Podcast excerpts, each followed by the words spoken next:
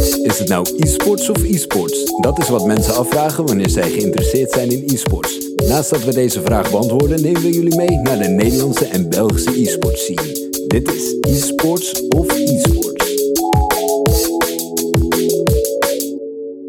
Hallo allemaal en leuk dat jullie weer luisteren naar een nieuwe aflevering van de eSports of eSports podcast. Mijn naam is Roby en vandaag gaan we weer eens de wereld van League of Legends verkennen. Ik heb namelijk iemand te gast die coach is geweest van teams in verschillende landen. Denk bijvoorbeeld aan Brazilië, Frankrijk en Spanje. Daarnaast is hij in de EU-LCS coach geweest van het toen talentvolle team Splice. Heeft het afgelopen jaar de Lowland Lions gecoacht en is nu weer op weg naar Spanje om Rebels Gaming te coachen. We hebben het dan natuurlijk over Fajan Bertis, oftewel Jeeves. Jeeves, stel jezelf eens voor. Ja, hallo. Ik ben, uh, ik ben Partijs. Uh, inderdaad, zoals je al zegt, ook genaamd als Jeeves. Uh, ik ben 27 jaar, Nederlander. ik coach al voor zo'n, oh god, wat is het al inmiddels? Ik ben een jaar eigenlijk niet aan het bijhouden. Ik denk dat het inmiddels al zo ongeveer zo'n zes jaar is. en ja, inderdaad, voornamelijk headcoach geweest. Ook een tijdje een microcoach geweest. Dus, dus heel erg op wat dus nu positional coaching heet, gefocust. En Daarvoor ben ik een analist geweest en zelfs daarvoor nog een shoutcaster. Dus ik ben eigenlijk begonnen als een shoutcaster. Hier vanuit mijn, uh, eigenlijk het kamertje waar ik nu in zit. Ik ben nu toevallig bij mijn ouders voor een laatste nachtje. Dus hier, hier is het eigenlijk allemaal begonnen. Dat is eigenlijk een mooie koppeling aan je. Je bent hier begonnen en dadelijk zit je weer in de vliegtuig naar Spanje. Maar hoe kwam je voor het eerst eigenlijk in aanraking met League of Legends? En hoe heeft die liefde ervoor gezorgd dat je uiteindelijk zo ver bent gekomen? Um, ja, ik stond eigenlijk een beetje op een, op een, uh, op een dilemma. Want ik was uh, semi-professional muzikant. En ik had ook een, uh, een passie voor gaming. En uiteraard was het League of Legends. ik vond, vond het een heel gaaf spel. Um, en toen ik het echt heel intensief speelde. En toen ook zeg maar midden diamond ongeveer was qua level. Ik deed al wat amateur toernooitjes dat soort dingen, weet je wel. maar ja, ik had nooit verwacht dat het echt, echt een, carrière, een carrière mogelijkheid zou worden. Dus ik had van ja, dan toch maar muziekwereld in. Nou, een tijdje muziekwereld gedaan. Nou, viel toch ook niet helemaal. uh, en toen was zo van ja, wat dan? Ja, dan toch maar gaan studeren. Uh, ik heb hier in Breda uh, International Media Entertainment Management gedaan. Volgens mij dat nu Creative, creative Business of iets dergelijks. Ik heb mm. geen idee hoe het nu heet. Um, nu op Breda University, is hoe het, hoe het ook heet. En uh, drie maanden, toen ik in die studie zat, kwam ik weer in contact met een, uh, met een kennis, die ik dus inderdaad via, via League of Legends kende, waar, waar, ik ook wel eens mee speelde. En hij was dus coach geworden.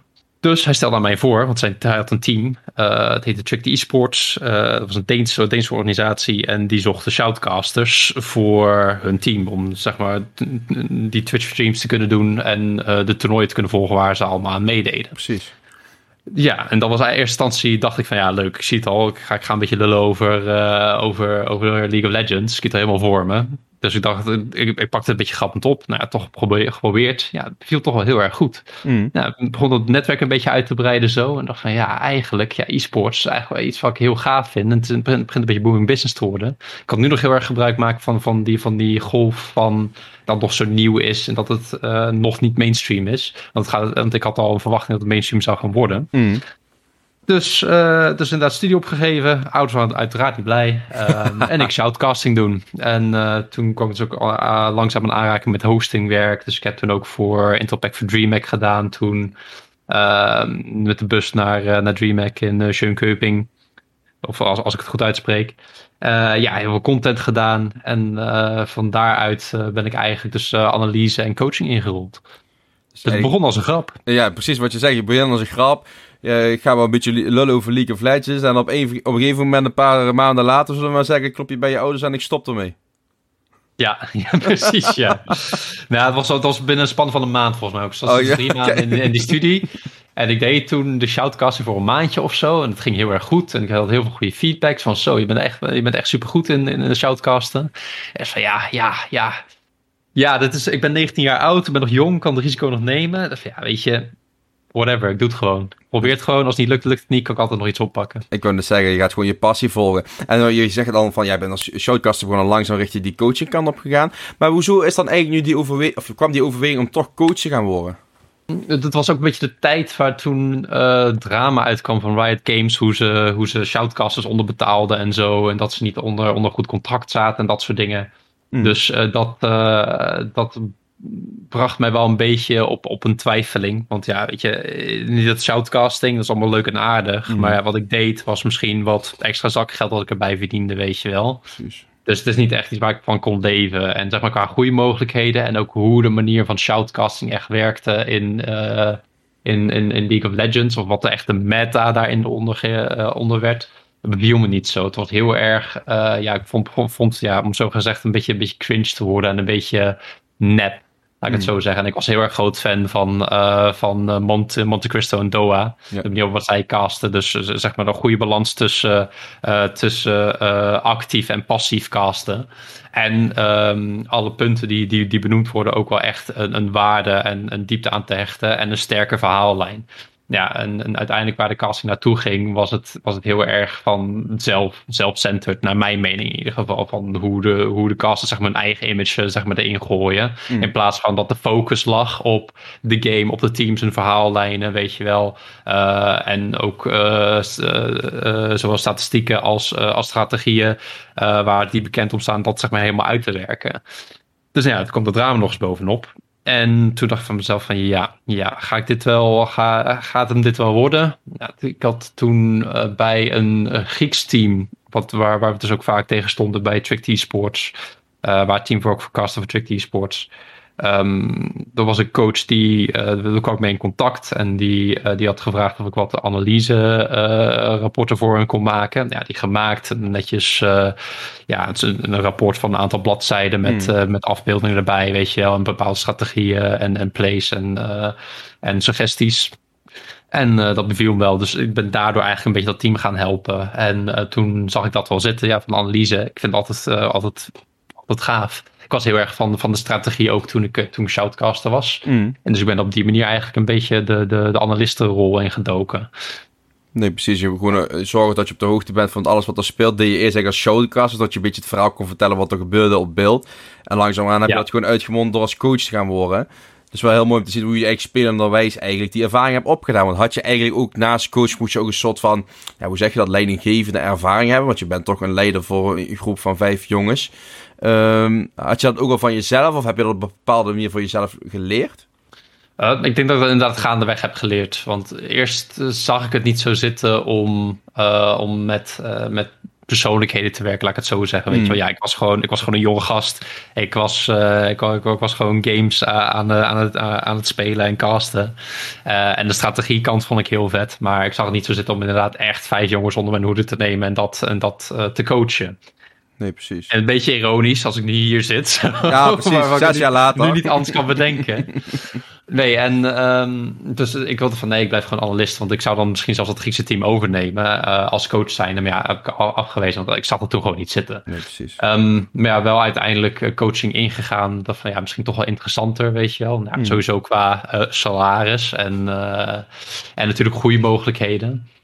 Um, ja, hoe, waar, waar, zat die transitie ook, ook echt in? Ik weet niet precies, want als ik nu ook, nu ook naar mezelf kijk als persoon zijnde, ik, ik, ik, ik, hecht heel veel waarde aan, uh, aan persoonlijk werk. Dus één op één gesprekken, zoals yeah. bijvoorbeeld dit, zoals in, in een podcast, waar we de diepte in kunnen gaan. En ja, dat soort dingen waardeer ik. En dan denk ik van, ja, eigenlijk alleen maar logisch dat ik dan ook de coachingrichting op ga. Nee, dus echt hoe ik dat heb opgepakt qua coaching. Nee, ik heb dat gewoon puur op gevoel gedaan, op ervaring. En, uh, en kijk hoe ver ik ermee kom. Uiteindelijk ben ik wel meer zelfstudie gaan doen toen ik een bepaald team niet haalde. Ik weet nog wel, dat was, uh, was een team met Kira en Koskiu volgens mij. Ik weet niet meer welk team dat was. Mm. En, um, en toen werd ik afgewezen als coach. Want ze wisten niet zeker of ik wel daadwerkelijk zeg maar, een goede waarde zou kunnen brengen aan het team. En ik weet nog wel, ik was toen echt zo pissig daarover. Um, dat ik dus een dat boek had besteld over basketbalcoaching en, en dat soort dingen. Dus Phil, Phil Jackson ben ik mee begonnen. Ik heb ook een boek van Pat Riley over The Winner Within. Yeah. Uh, die ik nu ook weer aan het herlezen ben. Um, dus ik ben er eigenlijk op die manier meer uh, coaching zeg maar, door, door de verhalen van anderen en zeg maar, die theorieën die zij uitleggen en uh, zeg maar, het advies wat zij geven, daar eigenlijk dan meer mee bezig. En verder is het gewoon heel veel ervaren.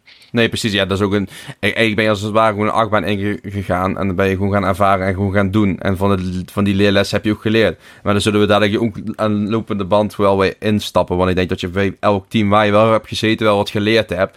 Want je echt, Absoluut, ja. E- eerste werk begint in 2016, zullen we maar zeggen. Je werd daar coach van SK Gaming. Uh, met hun ging je proberen te qualifieren voor uh, ja, de e EU Challenger Series 2016. Uh, ja, dat was toen de Summer Qualifiers. Hoe kijk je terug naar die periode? Oeh, dan moet ik even, even goed, goed nadenken hoor. Ja, dat is lang geleden. Graven. Ja, zeker lang geleden. Um, want daarvoor, want ik, ik weet nog wel, ik stond, ik stond uh, op een, op een tweesplitsing. Want daarvoor was ik een, een team aan het coachen zat in de Open Qualifier. Dus de qualifier voor de, uh, de European, European Challenger Series qualifiers. Ja. Um, dat, dat team heette Low Priority. En daar zat dus nu, daar zat Oh, dat was met Gact, Memento, Sebex, uh, Hikyu en uh, Zaiten. Mm. Uh, waarvan Memento en, en Hikyu uiteindelijk ook EUL 6 hadden gehaald. allebei in Rocket gezeten volgens mij ook. Memento heeft er wel een langere tijd als jongler rondgehangen ja, in, in, in, EUL 6 en LEC. Precies. Um, en ik kreeg toen een voorstel van, uh, van SK Gaming om dus inderdaad met hun team de EU, uh, EU Challenger Series uh, qualifiers te, te, spelen. En dat was dus inderdaad met Ruin, Ruin en Sun als Koreanen. En dan hadden we Cesar zijn naam volgens mij. En um, oh god, wat is de de naam? Was iets met een V. Uh, en, en Unlimited, die dus nu ook een coach is. Ja, precies. Ja, ja, ja. Maar ik, ik, ik zat zo te twijfelen over, uh, over die keuzes. Want ik had eigenlijk, ik geloofde meer in het team van, uh, van Low Priority, zeg maar, dat ze nog betere kans hadden om te kwalificeren. Maar aan de andere kant, het was een naam zoals SK Gaming, wat heel mooi op, zijn, op, op mijn cv, cv zou precies. staan. Dus ik had uiteindelijk die keuze genomen. en met pijn in mijn hart ook. Ehm, want ja, ze, ze snapte mijn keuze daarin ook wel. En ik dacht dat dit de, de, juiste keuze was voor zeg maar, de toekomst. En misschien, misschien wel, misschien niet, gaan we nooit weten. Um, maar het heeft in ieder geval wel deels gebracht waar ik nu ben. En ja, hoe dat was, het was mijn eerste kantoorervaring volgens mij. Want oh, ik weet nog wel dat zeg maar, toen die Open Qualifier hadden met Low Priority, hadden we een appartement gehuurd. En uh, nou ja, moesten dus in een appartement overnachten. Ik had ervoor gekozen om op de bank te slapen. En zij kreeg gewoon de bedden, weet je wel. gewoon de leiderschapsopoffering voor, voor nu. Um, en uh, toen had, had de organisatie die ons sponsorde had een fout gemaakt of iets dergelijks. Ik weet niet wat er precies was gebeurd. Maar de appartement niet lang genoeg gehuurd. Dus we oh, moesten ineens na een weekend eruit. dus waar we uiteindelijk eindigden was een een of ander krap kantoor met, uh, met een één grote tafel of een aantal tafels voor soort van schooltafels achter. Mm. Iets moet je dan aan denken van, van, van, van die goedkope kantoortafels dan tegen elkaar geschoven. En dan zaten we in een cirkel of nou, in een vierkant eigenlijk. In een vierkant uh, met, met de PC's zaten we daar de finale spelen dan Open Qualifiers, die we ook gewonnen hadden. Dus het is alsnog gelukt. Ja, toen kwam ik dus ineens in een, in, een kantoorervaring. Dus want, want ja, SK Gaming had echt een kantoor, weet je wel, van, van uh, één of twee verdiepingen of, of iets ergens toen al. Mm. En uh, ja, het was echt voor het eerst dat ik de. Ja, het was, het was ineens een hele professionalisering. Dat was de eerste keer dat ik wel echt. Zo, dat is wel echt, echt uh, professioneel. En hoe die ervaring was. Het was ook wel redelijk moeizaam, want het was ook voor het eerst dat ik echt met, met, met Koreanen uh, ging coachen. En ja, je hebt daarin wel een beetje taalbarrière. Roon kon helemaal geen, uh, geen, geen Engels. En Suno kon een klein beetje Engels. En ja, dat was heel veel puzzelen. Dus we moeten echt heel veel met, met, met simpele vertalingen werken en dat soort dingen, weet je wel. Ja, wel redelijk werkend kunnen maken, maar uiteindelijk niet helemaal volledig kunnen halen ik weet nog wel dat, uh, dat als, we, als, we, geen winst hadden, want Koreanen waren toen heel erg van no win, no sleep. En ik heb dat één of twee keer meegedaan. Als dat nu aan denk, is van, volgens mij zou ik dat nooit, nooit meer kunnen, kunnen trekken. Echt een hele nacht door, uh, door bestuderen, spelen of wat dan ook. Ja, hoe was die ervaring? Want dat waren nog andere aparte, aparte ervaringen die ik daarmee had. Niet echt heel duidelijk, maar het was wel zeg maar, het verlies wat ik toen maakte. Of in ieder geval, het was al een zuur verlies. Want low priority deed eigenlijk heel goed. Hmm. En ik denk als ik daar was gebleven met, met die coaching of wat ik kon bieden daar, dat we misschien zelfs gehaald hadden.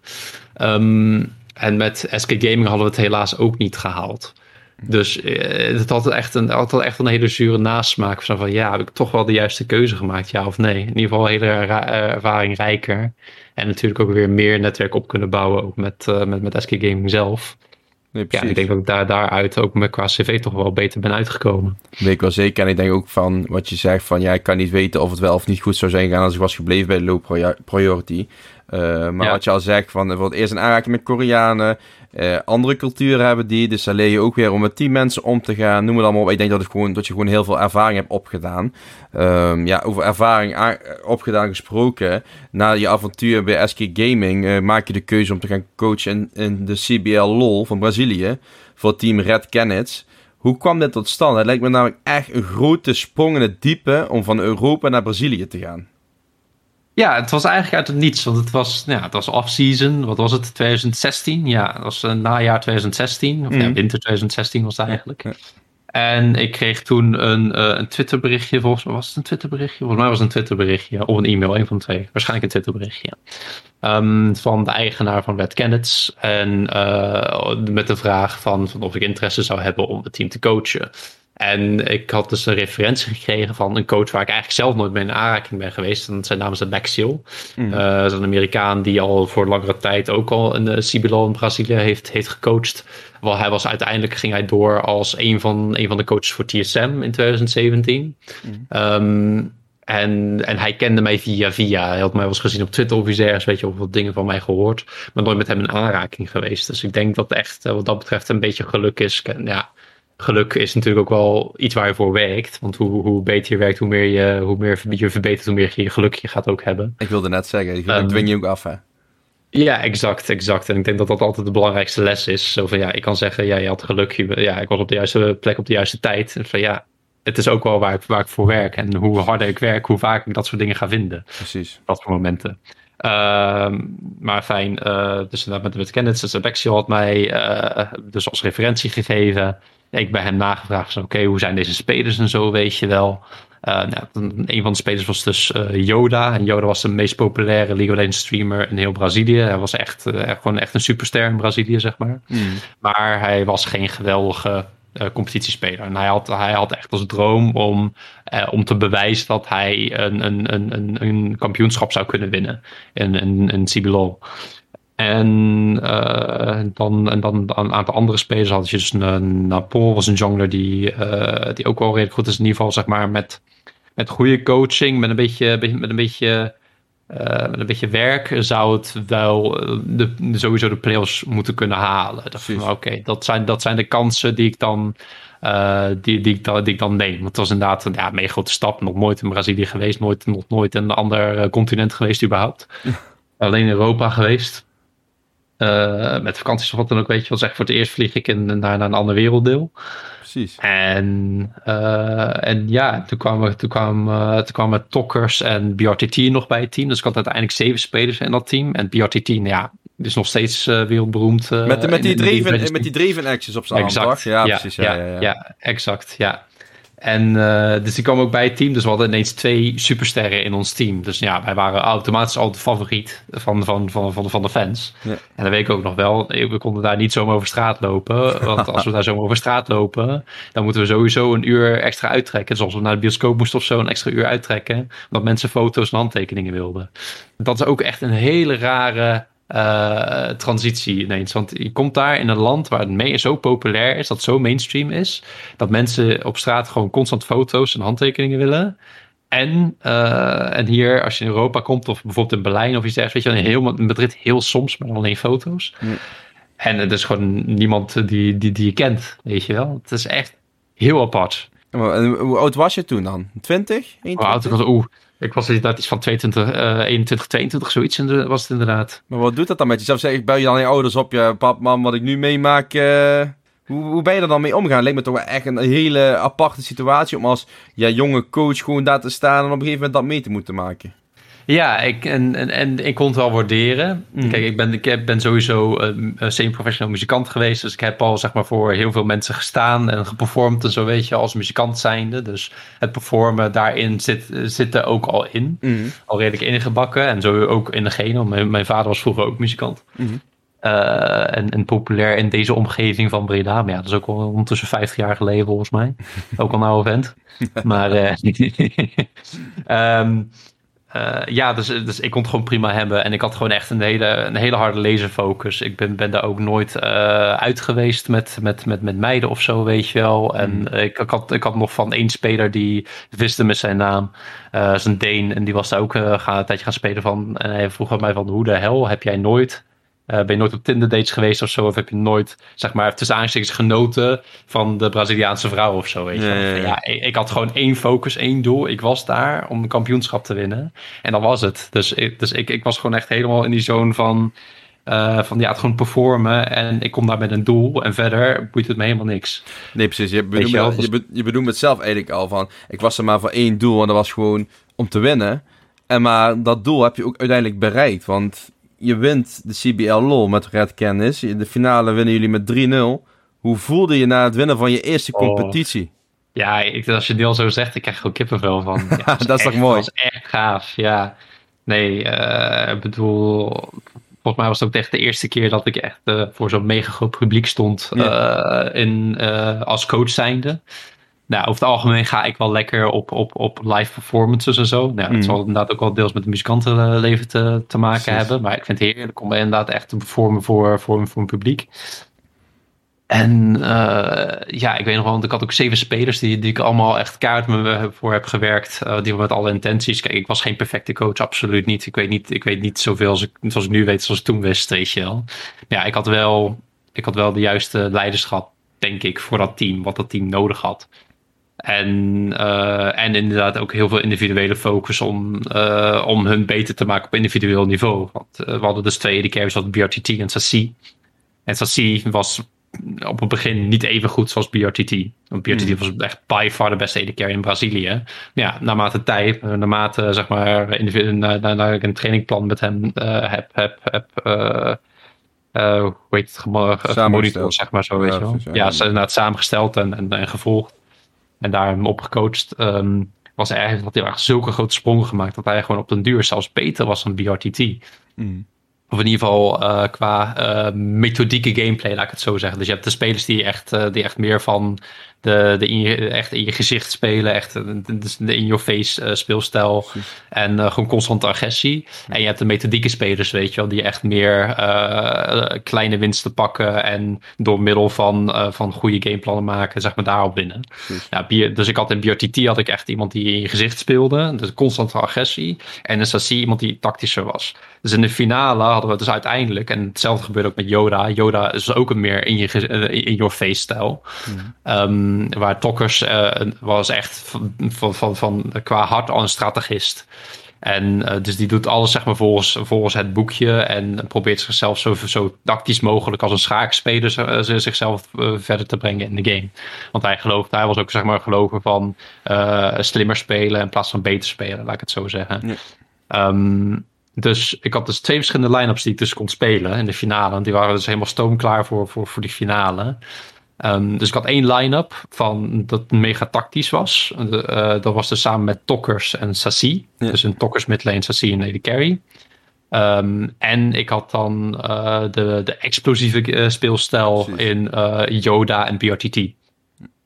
En ik denk door die, die goed af te wegen, zeg maar, geopend met explosieve speelspel, game 1, daar wil je eigenlijk gewoon meteen gewoon keihard starten. Precies. Zodat, zodat, zodat, zodat je zeg maar, ja, een beetje een soort van schok-effect mogelijk kan creëren. Intimideren. Kijk, en als dat niet werkt, ja, exact het intimideren. En, uh, en daarmee, ook oh, misschien ook wel een, een, een leuke, leuke uh, zijdenotitie. Want in, in Brazilië is het enige plek waar ik ooit heb gezien dat als er bijvoorbeeld een play wordt gemaakt, dat de speler zeg maar, uit zijn stoel schiet en zeg maar, het publiek daarin meeneemt. Want je kan ook als je die foto's ziet, je ziet ze zeg maar echt zo met, met, met van, van die, uh, echt van die war cry zeg maar, op, op, op, hun gezichten. Zie je dat zo? Waar in de LEC, weet je, ze zitten daar maar een beetje te gamen. Precies. En dat vind ik echt zo mooi aan Brazilië. Nou ja, oké.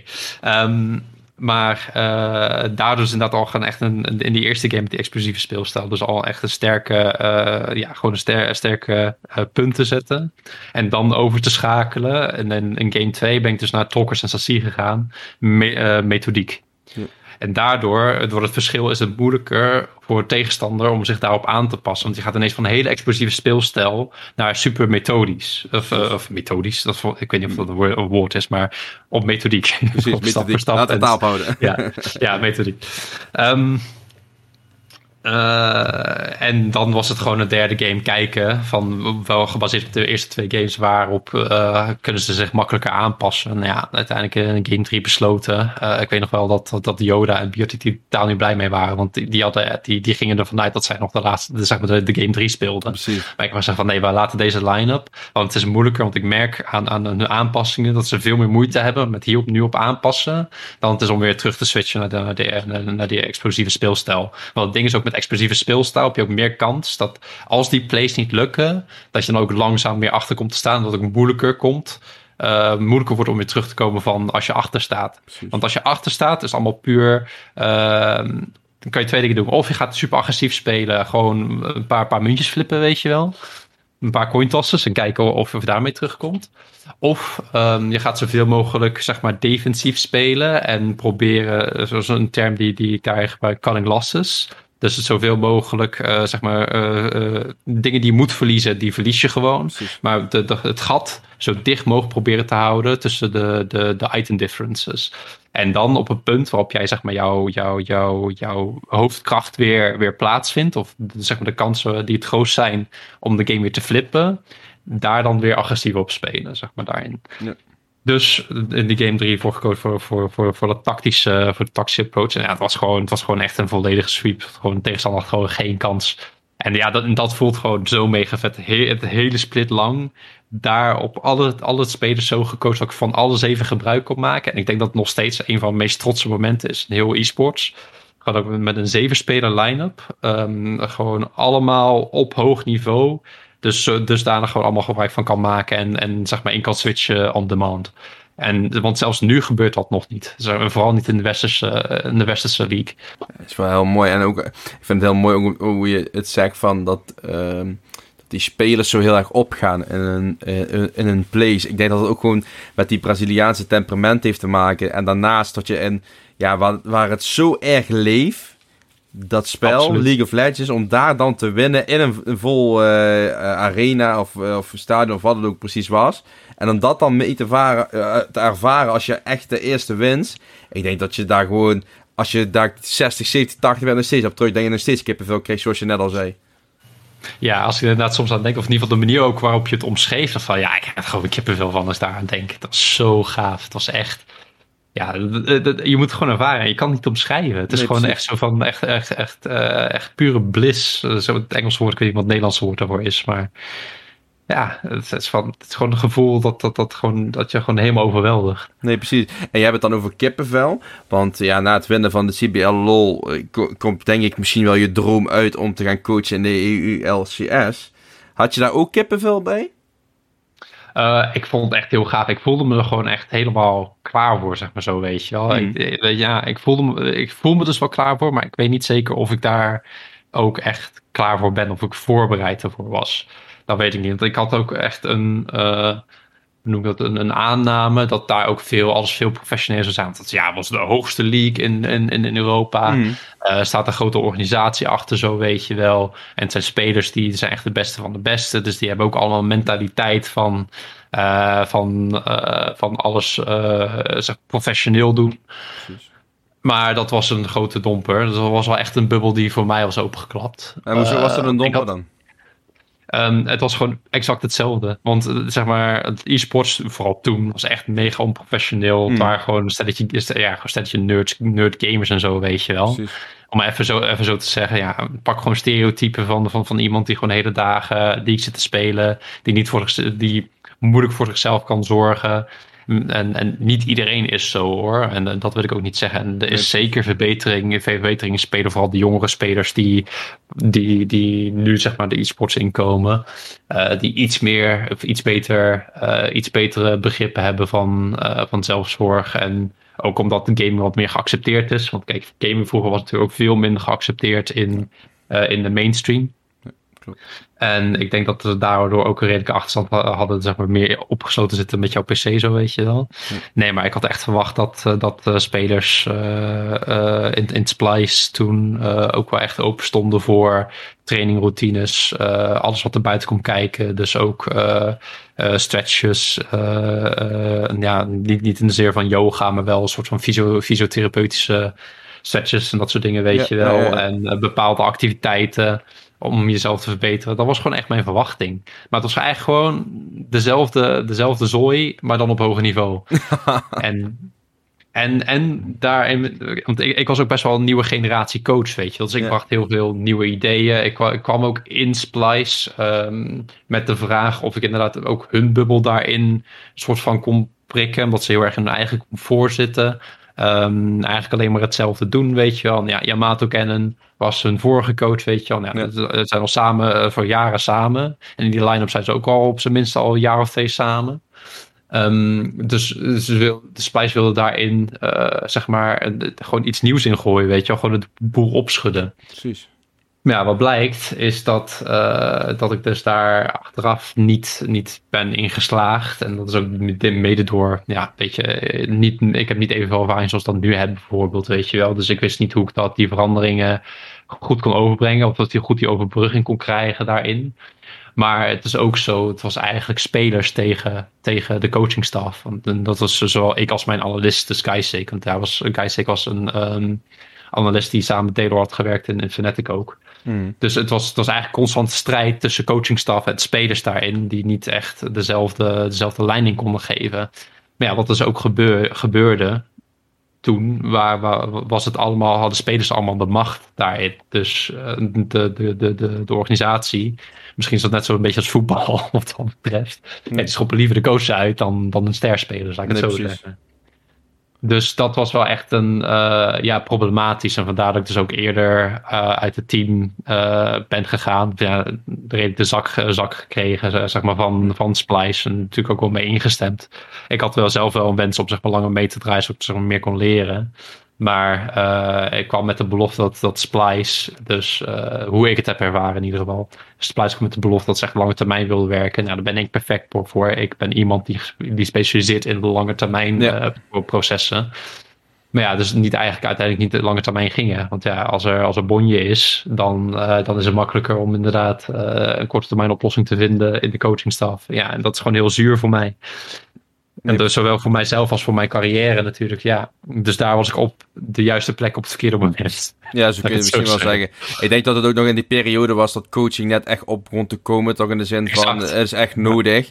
En uh, die spelers waren natuurlijk allemaal gewend om uh, 24-7 achter de computer te zitten, 6 uur slaap te hebben en voor de rest alleen maar solo Q knallen en scrims knallen. En ik denk dat je dan, wat je zelf zegt, op het verkeerde moment, op de verkeerde tijd hebt ingestapt. Maar als je kijkt naar het team wat je hebt gecoacht, met mensen als Wonder en Mickey, die uh, met G2 veel splits gewonnen hebben en ook in de finale van Worlds hebben weten te schoppen. Um, kijk je dan wel nog een soort van terug naar vet dat ik met hun gewerkt heb, ondanks dat het een beetje gelopen is hoe het gelopen is? Of heb je zoiets van, fijn voor die jongens dat, je, dat ze zo gepresteerd hebben, maar prima zo? Um, ja, ik ben, ik ben zeker wel dusdanig trots dat ze inderdaad zo, zo ver schopt hebben. Maar ik heb niet meer evenveel. Ik heb niet echt meer die persoonlijke verbinding met ze of zo, weet je wel. Het is ook zo van. Zij waren ook de, de, de, de twee spelers die iets moeilijker waren. Mm. Om daar zeg maar. Voor, um, uh, ja, hoe zeg ik dat? Die, die, ze hadden een veel meer closed mind daarin. Met, ja. met dit soort veranderingen, weet je wel. En mm. ik, misschien het meest ironische voorbeeld dat ik daarin kan benoemen. Is van uh, Mickey, die heeft een heel slecht postuur. Mm. En ik zei tegen hem: jij gaat hier, jij gaat hier last van hebben. Uh, of binnenkort of op lange termijn. En dit kan jouw carrière breken als je zeg maar zo, zo door blijft gaan. Dit gaat je echt problemen geven. Precies. Ja, hij had uiteraard hij had geen interesse. Want ik wilde daar echt met hem aan werken. En ook met, met de manager over gehad. En uh, met, met het upper management. Mm. Dus van ja, we moeten hier echt iets aan doen. Weet je wel, maar hij had geen interesse daarin, stond er niet voor open. Die had zoiets ja, weet je, whatever, het zal wel. En, en, en gewoon dat, dat ik, dat, dat, ja. Dus hij, het, hij, hij, stond er totaal niet open naar mij, dus het verzuurde nog meer dan uh, de, de, de situatie die, die, die, die, er al was. Nou, was het een van, volgens mij een van de eerste dagen, redelijk aan het begin. Dus ik wilde met hem werken aan zijn postuur. Nou ja, oké, dus niks mee gedaan. En de dag dat ik vertrok bij Splice, ik, ik weet niet meer hoe, hoe ter sprake kwam, maar zeg maar echt toen op het moment dat ik op de deur stond en zeg maar de manager gedag zei, gedag zei Hmm. kwam het dus naar boven. Hoe weet ik niet precies, maar dat Mickey X dus een, een afspraak had bij de fysiotherapeut, omdat hij last van zijn rug had. Weet je wel, dus, dus ik rolde mijn ogen en ik liep naar buiten. En is van, dit is wel, dit, dit, dit is gewoon echt de opsomming van heel, van heel deze split die ik met Splice heb gehad. Nee, precies. Maar dat is wel weer een, een mooie ervaring in de zin van, het is geen leuke tijd misschien geweest, maar je hebt wel heel veel geleerd van die tijd. Absoluut, ja. ja zeker, ik heb ervan geleerd, zeker van geleerd. Als ik ook eens naar terugkijk. Ik, ik was niet, ja, was misschien niet, ja, zeg het, volwassen genoeg. Ik was wel volwassen, maar niet soort van volwassen genoeg om zeg maar een soort van die verbinding of brug te kunnen creëren met de spelers. Zeg maar hoe ik die meer um, met iets meer sympathiek zeg maar, uh, zeg maar meer kon verbinden. Kijk, uh, uh, empathisch ben ik zeker, maar ik kon daar niet. Ik, ik was misschien iets wat ruwer in dan een soort van zeg maar meegaand. Want coaching is heel erg veel geven en nemen. En ik was, ik was heel erg demanding daarin. En zeg maar, dus heel veel, waar ik van spelers verwacht dat ze heel veel geven, zeg maar zo, weet je wel. Dus zeg maar, als, uh, als bijvoorbeeld zo, van zo'n postuur van Mickey X niet goed is, dat er ook meteen aan gewerkt wordt. Want als jij, als jij uh, voor jaren uh, een speler wil zijn, want ik gun dat iedereen dat ze voor jaren e-sports kunnen spelen. Of in, in een e-sporter kunnen zijn. Nee, precies. Um, dus uh, dan verwacht ik zeg maar ook dat, dat ze daar ook alles aan willen doen om dat zeg maar te fixen. Om daar, dat, dat, geen, dat, dat het niet hun carrière gaat breken op een duur. Echt, dus de duurzaamheid in e-sports brengen. Maar ja, dat, dat boeide niet. Zij wilde, zij wilde gewoon winnen, punt. Dat is alles zo, weet je wel. Waar ik meer, geloof, meer in geloof van als je die duurzaamheid uh, volgt en zeg maar alles... Uh, uh, zeg maar heel, voor heel jouw leven zorgt. Het is zeg maar niet, het is niet één één leven, weet je. Het is niet van, oh, je hebt je werkcarrière in je, in je privéleven. Nee, het is allemaal één leven. Right? Dus zowel alles wat jij doet in jouw, in jouw privé, in je eigen omgeving, zowel wat jij doet in, uh, in, je, in jouw trainingsomgeving, gaat uitmaken hoe succesvol jij gaat zijn. Dus ik heb eens van, oké, okay, focussen op het proces. En als het proces, zeg maar, bijna perfect loopt, zo weet je wel, dan komen de winsten vanzelf daarin. Nee, precies. En eigenlijk is gewoon een, ja, hoe zeg je dat, gewoon twee visies. En, de een, de, en die kunnen allebei uitpakken, maar voor jou werkt die niet, uh, niet op die manier. Ja. En als, ik dan nu, als we dan verder duiken, in 2020 ga je in het team van uh, Lowland Lions coachen. Toen nog de Views Kids. Jullie worden tweede in de split en winnen uiteindelijk ook de Spring Playoffs. Was het toen wel die succes voor die duurzaamheid? Of wat was toen het succes? Oh, moet ik denken, want dat was, dat was ook niet uh, even makkelijk, weet ik wel. Sowieso met de Fuse Kids, die stonden al sowieso heel erg veel voor open om, uh, om zich zoveel mogelijk te leren. Want we, hadden, we waren gewoon echt vijf spelers. Dat waren in principe nou ja, gewoon echt top-notch spelers van, van, van Benelux, zeg maar. En um, ja, daar, daar had ik het geven en nemen wel een beetje beter door. Want ik kwam ook net uit therapie uit 2019. Ik heb hele intensieve therapie gehad. Vandaar dat ik zo tijdelijk parttime heb gewerkt. Uh, in Vitality B in Frankrijk als performance coach. Um, dat heb ik negen lang maand, maanden gevolgd. Dus ik heb ook meer mezelf daarin gevonden. En heel veel van die dingen die, die ik daaruit heb kunnen halen, heb ik dus ook weer op mijn coaching toe kunnen passen. Dus daarin had ik het geven en nemen dus ook wel wat beter, beter beheerst. En kon ik zeg maar be beter en sterker verbinding maken met, uh, met in principe alle spelers. En uh, omdat we dus zeg maar beter die verbinding konden maken. En ook uh, dankzij hulp van Donny van Next Level Esports. Um, die heeft ook, heeft ook één of twee workshops aan ons gegeven. Om zeg maar daar ook een, een, een, sterkere brug in te kunnen creëren. En ook samen echt samen te komen. Want dat was in principe het allerbelangrijkste. Echt samen fysiek komen om, uh, om elkaar meer te begrijpen. Want uh, er waren absoluut uh, ja, mensen die niet, niet met elkaar eens waren. Dus klachten over dat één speler bijvoorbeeld niet, niet, niet genoeg solo queue speelt of iets weet je wel. Of dat die niet bepaalde champions wilde spelen. Of dat hij niet serieus genoeg nam, et cetera, et cetera. Of dat ze niet snappen waarom, waarom het met, met een speler zo op en neer ging, weet je wel. De ene keer was, hij top challenger, de andere keer was hij, was hij hardstuck Diamond One. Dus uh, om, om daar zeg maar meer uh, uh, ja, elkaar te zien, te kennen, ook naar binnen te kunnen kijken. En ik denk dat daar, als, toen dat eenmaal gebeurde, dat we meer naar elkaar naar binnen konden kijken. dat het team echt is gegroeid. En dat dat echt het begin was van, van het zaadje die is geplant, zeg maar, richting EU Masters. Want ja, want je, je winde toen inderdaad samen met hun, ja, de Dutch League. Was dat gevoel anders dan toen het met CBO? Ik ga er vanuit van wel, maar was je net zo excited als toen? Of was het meer van, ondanks alles wat er is gebeurd tijdens die split, of ja, gebeurd is, hoe het is verlopen die split, is het toch geluk? Ja, het had, wel een, een soort gelijk uh, euforisch gevoel, absoluut. Het was nog steeds van, ja, je werkt een hele split lang aan dit moment, zo'n finale, weet je wel. En, je doet het, ja, uh, ik, ik schreeuw en springen en weet ik het allemaal. We zaten toen ook op een bootcamp, weet je wel. Maar uiteindelijk nog maar met, met, met, twee spelers zaten en coach en manager. Want, uh, want één speler die, uh, die, die, ging dus naar, naar, Duitsland. Uh, omdat hij bang was eh, dat de grenzen dicht zouden gaan. Um, die wilde graag samen nog met zijn vriendin zijn voordat, voordat het gebeurde. En de andere speler die, die moest per se naar huis van, van, van, van zijn ouders, zeg maar zo weet je wel. Omdat die heel erg beschermend waren.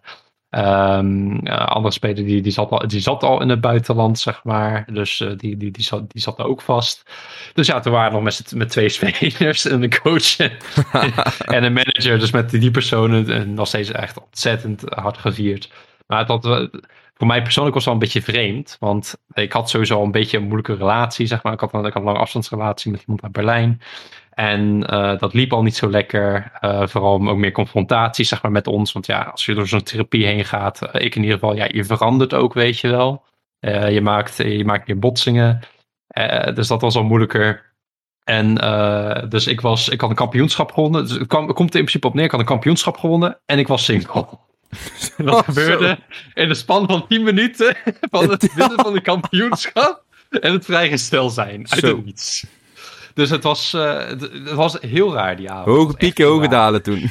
Ja, het was hoge pieken, hoge dalen. Ja, ik had uiteindelijk zeg maar, wel de keuze genomen van ja, het gaat gewoon niet verder zo. Het kan gewoon niet. Dus uh, het was raar. Ook voor, de, voor sommige spelers. Want uh, ik zat dan naast Hades en ik keek me zo aan van, je maakt een grapje toch?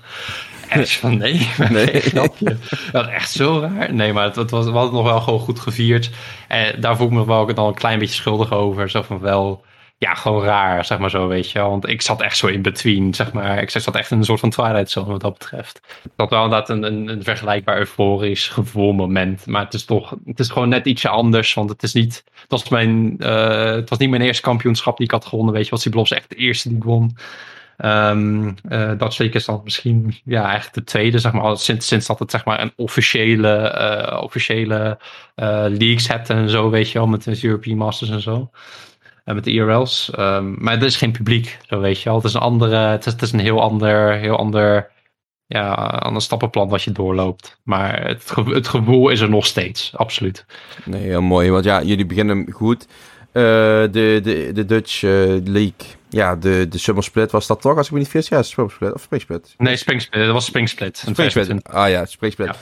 Um, maar ja, 2021 loop niet zoals jullie gehoopt. Jullie worden twee keer uh, vijfde. Hoe kijk je terug op, op, op die, uh, dat seizoen? Want in principe gaan jullie van hoe, ja, hoe jullie begonnen. Jullie begonnen high in de springsplit. Daarna gaan jullie, zijn jullie een jaar verder.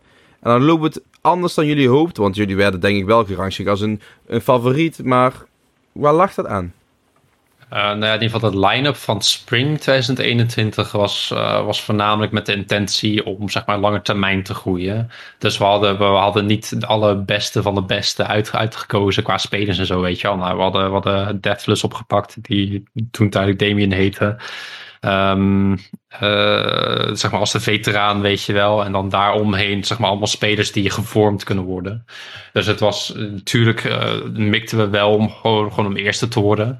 Maar met de intentie, zeg maar, al worden we niet de eerste, geen probleem. Maar door middel van het mikken op nummer één we kunnen dus de processen doormaken en zo hard werken, zo, zo hard mogelijk werken, om dus nog zo, zeg maar, zo goed mogelijk te worden. En dan zeg maar naar, naar, naar die summer split te gaan, zeg maar zo, weet je wel. Want ik kwam Low Lions uh, binnen uh, in 2021. Uh, Waar wij dus een twee jaar plan hadden. Want het was niet zeg maar zomaar van oké, we gaan, ik kom even een splitje en we gaan, uh, gaan, gaan al knallen en winnen.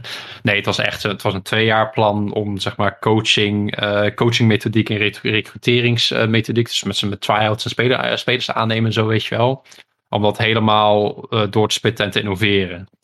Ehm, nou ja, dus de verwachting was al niet, uh, niet per se dat wij eerste zouden worden, zeg maar, in, in de springsplit. Wel de intentie, weet je wel, gewoon, zoals ik al zei, wel dat doel houden. Nee, precies. Um, maar het was, uh, het was daar, uh, zeg maar, dat stukje geven en nemen, dat misschien wel weer een stukje terug was genomen of een beetje was afgezakt. Omdat ik, zeg maar, ik had wel gewoon verwachtingen dat spelers, ja, toch wel, toch wel professioneel, zeg maar, de, de instapten.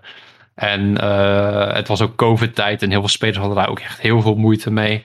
Um, die, dus die, die zeggen ja, daar ook gewoon, gewoon moeilijk mee hadden. Ook hun, hun privéomgeving. Wat sowieso twee, twee of drie spelers waarvan privé, privéomgeving eigenlijk gewoon niet relaxed was. Uh, om even zacht uit te drukken. Dus die problemen komen erbij kijken. En ik denk dat zeg maar de, de, daarbij de, de, de performanceverwachtingen en dan ook nog eens een privéomgeving, dat dat gewoon te veel, uh, te veel vereiste. En dat, daarom dat het eigenlijk zo, zo, zo ver afzakte. Maar het was ook zo van, ja, een trainingsomgeving, dus tijdens scrims, mega sterke performance. Want we, we, we scrimden teams die gewoon echt, ja, tien keer sterker is misschien een beetje overdreven, maar om even, om even heel sterk uit te drukken, gewoon tien keer sterker waren dan, dan Dutch League teams. Precies. Ja, dan kwamen we kwamen bij zo'n zo'n zo'n officiële, bij zo'n officiële match ja, het was gewoon bagger. Weet je wel? Dus ja, en, en dat soort dingen zijn heel moeilijk om op afstand, uh, op, op, afstand te managen. Ik ben sowieso een coach die veel minder impact heeft uh, op afstand dan op uh, dan echt fysiek dat we bij elkaar ja. zijn. Want zover mijn track record elke keer als ik fysiek samen ben met de spelers, win ik altijd. dat, is, dat is tot zover de trend. Dus ik heb, ik heb zeg maar goede hoop uh, ingaande naar, uh, naar Spanje in, 2022, in deze 2022. Nee, maar dus, uh, dus we hadden echt het plan om echt, maar echt lange termijn te werken. Twee jaar plan met deze split zeg, voor de ontwikkeling. Of zeg maar eerste jaar, even heel simpel uit te leggen en kort. Eerste jaar zeg maar ontwikkeling, de tweede jaar zeg maar meer echt die raketlancering.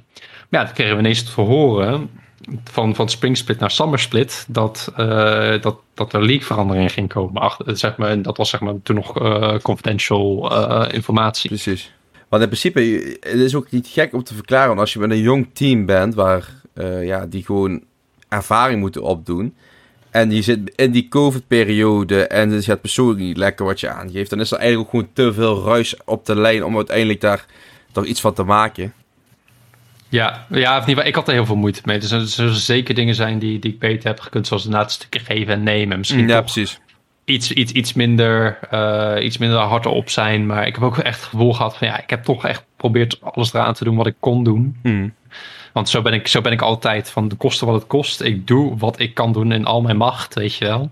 Om, om de beste resultaten te creëren. Um, of in ieder geval gewoon ja, verder te kunnen om, uh, om successen te boeken. Maar ja, gewoon niet gelukt. Dus deels daarvan wil ik inderdaad, ja, ik, ik, ik hou er gewoon niet van om, om dat gewoon zeg maar van mij af te schuiven. Maar tot een zekere hoogte is het wel zo van ja, ik kan ook maar zoveel doen in mijn, in mijn positie daarin. Vooral als de intentie is zeg maar groei. En de COVID-periode waarop we gewoon geen bootcamps konden houden. Want het plan was ook dat we echt elke maand uh, een week kunnen, konden bootcampen. Ja, maar met COVID-tijd kon dat gewoon niet. Dus uh, de heel plan was, uh, was in principe al een klein beetje in het water gevallen. En dan kon natuurlijk wel zoveel mogelijk doen op afstand. Maar ja, het heeft gewoon niet hetzelfde effect. Vooral niet zeg maar, de dynamiek die ik en Donny uh, wilden toepassen. Waar we ook ons op, op, ons op hebben gestort om uh, te creëren en innoveren. Dus we kunnen ook daar gewoon geen gebruik van maken. Nee, precies. Maar uiteindelijk heeft het wel gelukt dat jullie op een high note geëindigd zijn. Want jullie hebben je uiteindelijk wel gekwalificeerd voor de Elite Series. Um, Voelde jij wel dan ook veel druk, om, ondanks dat het twee jaren plan niet verliep hoe je het wou laten verlopen, dat het zo belangrijk was om toch voor die Elite Series te kwalifieren. Heb je die druk ervaren veel? En uh, ook uh, dan kijken naar ja, hoe jullie bootcamp verliep met alle griepprobleempjes, laat maar even kort zeggen. ja, ja, ja, de, de, de flu camp. Um, Uh, ja, er stond zeker druk op. Maar over het algemeen ga ik wel lekker op dat soort druk. Ik heb er geen problemen mee. Soms haalt het ook het betere uit me. Ik, ik heb pas echt last van gehad toen het eenmaal klaar was met de bootcamp. Ja, of nou, ook weer niet helemaal. Want ik ging vanuit bootcamp meteen tryouts in van, uh, van, van Rebels Gaming. Dus ik, uh, met die bootcamp, ja, toen ik daar ook in ging, ik wist gewoon zeker dat het goed ging komen. Want ja, zoals ik al zei, mijn track record, elke keer als, als, ik, als ik echt fysiek ergens aanwezig ben, winnen we. Uh, dus ik ging gewoon daar ook van uit. En het trend heeft zich weer bewezen wat dat betreft. Is in ieder geval één, één stukje ego wat ik voor mezelf intact wil houden. Zeg maar die confidence daarin. Dat ik in ieder geval wel van uitga dat ik er wel gewoon goede, goede uh, successen kan boeken. Als ik inderdaad ook echt daadwerkelijk met speler... Ja, een soort van ja, aanraking klinkt misschien een beetje vreemd of Misschien nee, zelf seksueel, als ik dat nu zeg. Nee, nee, nee, maar, maar wel in aanraking kan komen, zeg maar, echt met de spelers één op één. Ja, precies. En dat is gewoon ook meer persoonlijk. En dan kun je ook, hoe zeg je dat? Je, je, je, praat ook met je handen. En, je, en is ook, als je met, eh, hoe zeg je dat? Als je met iemand een persoon praat, dan zijn ze toch wat opener. Kun je toch meer impact hebben door bepaalde trucjes, noem het allemaal op. Dus het is niet gek dat dat benoemd wordt. En wat je zegt, mijn track record zegt het al. Dus heeft tot nu toe wel bewezen. Maar ja, zo maak je het wel lastig voor jezelf. Want nu moet je er wel gaan bewezen dadelijk. Maar dat duiken we dadelijk wel weer in. Ja, precies. Maar, maar je denkt dus echt dat het gewoon mee te maken had van... Ja, we gaan naar die bootcamp toe. Ik kan eindelijk weer even mijn, mijn coaching skills loslaten. Ondanks de, de griep, de vloekcamp dacht je van, ja, we gaan het gewoon doen. En dat heeft wel gebleken. Want ik kreeg je dan ook van spelers hoe kan ik dat het beste verwoorden? Merkte je aan spelers dat ze het ook die boot, uh, hoe zeg je dat, het fysieke fijner vonden dan tot het online ging? Kreeg je er ook van door van, ja, dit is eigenlijk veel beter dan wat we tot nu toe hebben gedaan? Ja, ja, zeker. Ik denk dat iedereen, uh, iedereen een voorkeur heeft aan, ja, misschien met een paar uitzonderingen, uh, inderdaad iets van of een gaminghuis of een kantoorsysteem of iets dergelijks, weet je wel. Om op die manier competitie te spelen en te trainen. Want je ziet gewoon wat iedereen doet. Je maakt meer verbinding, zeg maar ook buitenaf. Want het, het, het, probleem is met, met zeg maar online werken of trainen is van de enige moment waarop je in aanraking komt met elkaar, is als je samenkomt om scrims te spelen of uh, official matches te spelen. Dus je hebt niet even die één op één momenten of die grapmomenten of zeg maar dat stukje verbinding dat je met elkaar hebt of de bonding en zo, weet je wel. Die, die, die komen er helemaal niet in voor. Dus het is ook veel moeilijker dan om dan op dezelfde lijn te komen met jouw medespelers daarin. Dus je moet daar echt veel meer moeite voor doen om, om dat waar te kunnen maken. Nou, dan kun je natuurlijk ook het argument geven. Elk, elk team had er last van. Geen enkel team kon bootcampen. Ja, en van, ja, dat is zo. Dat klopt.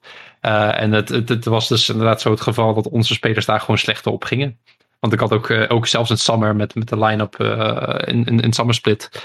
was ook hetzelfde geval. Gewoon spelers die zich gewoon niet lekker voelden. Of zeg maar niet aan de kwaliteiten meer voldeden waarop ze zeg maar, het team inkwamen. En die gewoon echt volledig verantwoordelijkheid uh, gingen, uh, gingen, gingen droppen. Gewoon puur omdat ze, ja, ze zitten alleen maar thuis. En ja, je zit dan alleen maar opgesloten in je eigen, in, je eigen mind, zo weet je wel. En dat, ja, dat gebeurde gewoon heel erg.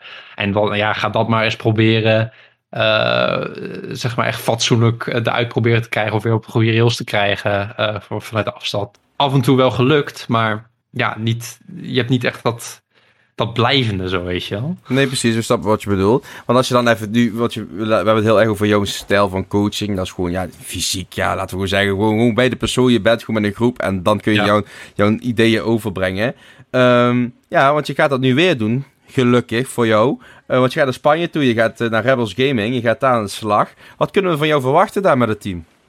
Oh, ja, eindelijk. ik ben echt helemaal klaar mee van, van het afstand werken. ik heb het over anderhalf jaar gedaan. Ik ben er helemaal klaar mee gewoon. Dus ik, uh, ja, ik heb echt mega veel zin in. Ook wel nerveus, uh, uiteraard. Want ja, ik ga, ik ga voor, voor het team van David de Gea ga ik werken.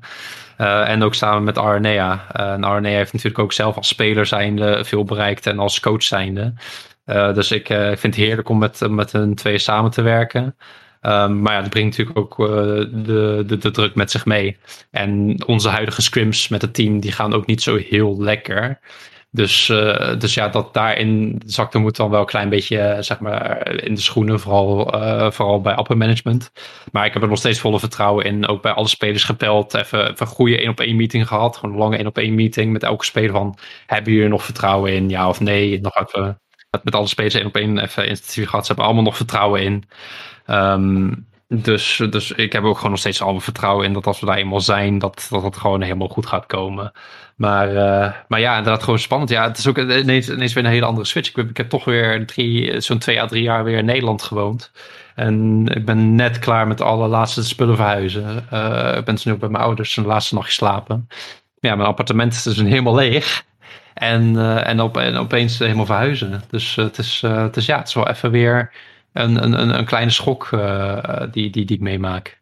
Nee, precies. Maar het is wel weer een mooie stap naar de carrière die je wilt hebben, toch? Gewoon op locatie, op verschillende plekken in de wereld. Wil je gewoon actief zijn met League of Legends. En daar je passie en jouw manier van coaching overbrengen brengen op een nieuwe groep spelers. En kijk, in het begin, je geeft aan van ja, nu gaan de scrims wat minder. Maar ja, wat je al de hele tijd zegt, wanneer ik niet fysiek daar ben, dan gaat het, dan gaat het voor mijn gevoel minder. En, de trend heeft bewezen. Dus eigenlijk, als je dadelijk over een maandje daar nou gesetteld bent en je bent een maand aan de slag met hem, zou je eigenlijk veranderingen dan pas moeten kunnen zien, toch?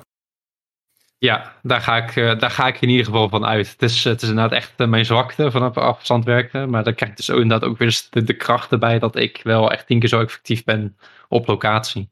Ja, en zoals ik al, zoals ik al zei, ik weet niet of dat in deze intro was of dat ons voorpraatje was voordat we met de opnames begonnen. Ja, ik ben gewoon iemand die heel persoonlijk, eh, die heel persoonlijk werkt. Echt ehm, in de diepte ingaan met een één op één, met een persoon één op één. En dat heb je gewoon in die podcast gezegd, dus de mensen hebben dat gewoon meegekregen. Maar dan gaan we ja, die even... dat. Over één op, precies, over één op één gesproken. We gaan gewoon naar jezelf toe nog even. Waar ben je het meest trots op op dit moment wat je bereikt hebt tot nu toe? Is het echt die CBL Law of is er nog iets anders? Ik denk, eh, ik denk gewoon de therapie die ik heb doorgemaakt, eerlijk gezegd. Um, Want even daarop inhaken van, wil je delen waarvoor je in therapie zat? Ja, dat, dat, dat, ik ben daar heel open over. Ik, uh, ik, uh, nou, in ieder geval de, de officiële klinische term of categorie was uh, overige persoonlijkheidsstoornissen. Nou, ja, kwam er toen gewoon in ieder geval op neer dat ik was eigenlijk een soort van robot zonder een eigen identiteit. Zeg maar, Fayan die, die, die was kwijt, zeg maar zo, weet je wel. Wie ben ik nou uiteindelijk? Ik was gewoon iemand die eigenlijk de meningen en dingen absorbeerde van zeg maar alle anderen. En zeg maar niet ik was heel erg een people pleaser daarin. Dat is een deel met, met de manier waarop ik ben opgevoed en, uh, en traumatische ervaringen die ik, die ik heb meegekregen vanuit, uh, vanuit ja, als kind zijn, zeg maar zo, weet je wel. Dus ik was heel erg van uh, andere mensen niet teleurstellen, andere mensen geen pijn willen doen. Of, of ook vooral, ja, eigenlijk komt dat van, voornamelijk vanuit een, een, een ik-perspectief. Hè? Dus, dus een eigen persoon. een soort van ego is dat van dat ik niet vreemd gevonden wil worden. Ik wil. Uh, ik wil, sorry, ik heb ik moet er even aan terugdenken. Het is gewoon, gewoon heel pijnlijk daarin. Dus ik heb wat moeite om even goed uit mijn woorden te komen. Maar eh, ja, het is gewoon verdriet dat er, dat er dan dat er ook nu inderdaad ook weer zo, zo, zo naar boven speelt. Want het is zo van ja, ik was gewoon echt een hele sterke people pleaser. Ik verloor mezelf daarin. En ook gewoon dusdanig ongelukkig dat ik, dat ik misschien, misschien ook niet meer in deze wereld wilde zijn. En ik heb mijn zus hier al in verloren op, op, op dezelfde manier, want zij heeft zelfmoord gepleegd. En uh, twee weken nadat zij een, een kindje had gekregen. En uh, wij zijn allebei, ja, mega heftig. En ja, we zijn allebei op dezelfde manier opgevoed.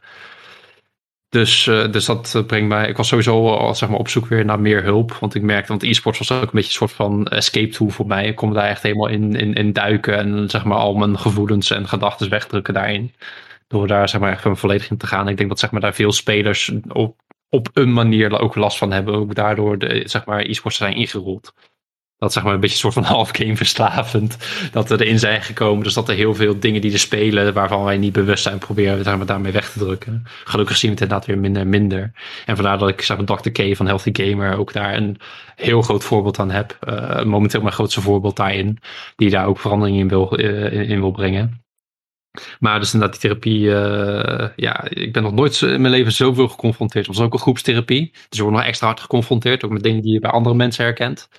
En elkaar, inderdaad, elkaar daarop wijst en zo, weet je, van hé, hey, ik merk dit bij je. Of, uh, of vanuit je eigen gevoel te spreken van, oh, dit ervaar ik ook zo. En dat, dat zie ik nu ook bij jou gebeuren en al dat soort dingen, weet je wel.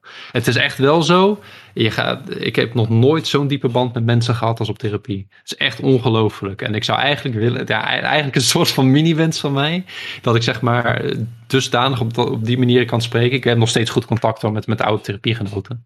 Maar, uh, maar dus dusdanig, zeg maar, zo, zo diep kan, kan verbinden, of kan niet waar spreken, dus ook verbinden met personen. Sorry, ik ben, ben, ben even een draad maar dat, dat zeg maar, zo'n zo diepe, zo diepe verbinding met, met, met ze heb. Maar dat was echt het allerlastigste wat ik in heel mijn leven heb gedaan. Dat was echt het meest, meest enge. Want uh, ja, je confronteert jezelf en Poeh, ja. Nee, ja, Uh, ik denk, ik, maar, het voelt gewicht gewoon, joh. Precies, je, maar je mag gewoon trots zijn op wat je hebt gepresteerd. En ik vind het ook gewoon mooi dat je het zelf dat wil doen. Want ik vraag, wat, wat ben je het meest trots op je carrière? Je benoemt dan iets eigenlijk wat gewoon voor jou als persoon is. Dus eigenlijk is het gewoon niet je carrière. Dus gewoon jou als persoon, hoe jij als persoon was en hoe je nu bent. En wat je zelf zegt, is het uh, heftigste wat je ooit hebt meegemaakt. De ervaring met mensen praten die in hetzelfde soort van bootje zitten. En daarmee, hoe zeg je dat? Open te worden over je gevoel en hoe je bent. En dat je uiteindelijk geleerd hebt van dingen en dingen hebt meegekregen van hoe je anders en jezelf gelukkiger kan voelen. En dat je dat hebt weten te bereiken, vind ik alleen maar knap. Want dan kan iedereen jou alleen maar complimenten voor geven. En vooral als je al zegt van wat er met je zus gebeurd is, vind ik het nog veel knapper. Want als je zoiets moet meemaken, terwijl je ook al die andere probleem uh, bij jezelf hebt moet je sterk in je schoenen staan om dat te kunnen overwinnen. Dat heb je gedaan. Dus ik kan alleen maar mijn complimenten geven wat je, hoe je dat voor elkaar hebt gekregen. Ja, dankjewel man. Ja, een bijna klein traatje dat zeg maar aan de zijkant uh, erbij komt. Dat, uh, nee, jouw woorden komen echt, uh, echt, echt, echt heel warm aan. Dankjewel. Maar die, me, maar die meen ik ook. En we gaan gewoon positief afsluiten. Wat zijn je doelen dit jaar? Laten we gewoon positief dit jaar dit jaar doelen? Ja, dus, dus, dus, dus het vasthouden van wat ik dus net uh, zowel in therapie heb geleerd als, als zeg maar alle voor, vorig jaar qua methodieken die ik, uh, die, die ik heb helpen innoveren samen met, met, met Donny. Uh, dus die trend doorzetten. Uh, inderdaad, mezelf daarin blijven. En ook zeg maar voor mezelf blijven zorgen. Want ik wil eigenlijk ook gewoon zoveel mogelijk in mijn omgeving kunnen ervaren. Dat ik niet weer helemaal opgestokt word in zeg maar met werk. Maar wel dusdanige intensiteit kan behouden. Dat ik, dat ik spelers zeg maar de, de, de nieuwe, ja hoe zeg ik dat? De, de, de, de, nieuwe mogelijke sterren zou kunnen maken van Europa. Dus het is inderdaad echt alle tweede splits winnen het komende jaar. Kwalificeren voor uh, Superliga 1. Dus uh, zeg maar de Pro League van, van, van Spanje. Want we moeten één, één treedje lager beginnen. En gewoon de wereld laten zien uh, van wat, wat, waar we toe in staat zijn. En dat, dat, dat, dat mijn track record iets bewijst, zeg maar zo, weet je wel. Precies, we gaan gewoon die trendlijn doorzetten in 2022. Nee, ja. ik, vind, ik vind het heel mooi hoe we door je carrière zijn hebben... Of gelopen. Ja, we zijn als het ware gelopen door je carrière. Wat je allemaal meegemaakt. Hoe je met bepaalde dingen bent omgegaan. En nu net ook gewoon een beetje, ja, dat hoort er ook bij bij het leven. Het emotionele kant van iemand. Van ja, wat hij meemaakt. En gewoon, we sluiten gewoon positief af met de doelen die je hebt. Je gaat gewoon dat track nog een keer bewijzen. Van wanneer ik op een locatie ben, ga ik mezelf bewijzen. Um, ja, daar heb ik alleen nog maar één vraag aan jou van. Wij doen altijd aan het einde van de podcast een codewoord vragen, zodat de mensen dat woord naar ons toe kunnen sturen om te checken of ze wat tot het einde hebben geluisterd. En deze keer is het wel echt waard om naar het einde te luisteren, gewoon tot, tot je gewoon zo open bent. En ik denk dat heel veel mensen ervan kunnen leren, tot dat heel veel mensen misschien ook in een soortgelijke situatie zitten, dat ze het lastig vinden om met hun eigen gevoel te praten. Um, ja, wat, wat, wat vind jij een goed codewoord? Uh, ik vind karma een goed codewoord. Karma voor het zaadje planten voor onszelf, voor de successen van de toekomst. En sommige gaan bloeien, sommige niet. En dat is helemaal oké. Okay. Plukken van, de, van degene die je kunt. Precies, dat is ook het, leven. Je kunt niet, alle zaadjes komen niet uit, maar je kunt alleen maar je best doen. En dat doet iedereen. Nee, uh, Jeeves, ja, Fajan. Ik wil je echt heel erg bedanken dat je tijd hebt gemaakt. Aangezien je eigenlijk morgen weer in het vliegtuig naar Spanje zit. Ik denk dat je echt gewoon een mooi licht hebt geschenen op ja, hoe het is om coach te zijn. Maar ook gewoon, ja, dat laatste gedeelte vond ik echt mooi. Uh, daar wil ik je voor bedanken. Ik wil je heel veel succes wensen bij Rebels Gaming uh, in Spanje. Ik ga ervan uit dat je gewoon je trend gaat voortzetten. Want jij hebt tot nu toe gewoon bewezen, wat je zelf al zei. En uh, ja, ik denk dat we jou gewoon in de gaten gaan houden. En dat we misschien volgend jaar gewoon eens je, je 2022 jaar gaan reviewen in een podcast. Kunnen we altijd nog doen.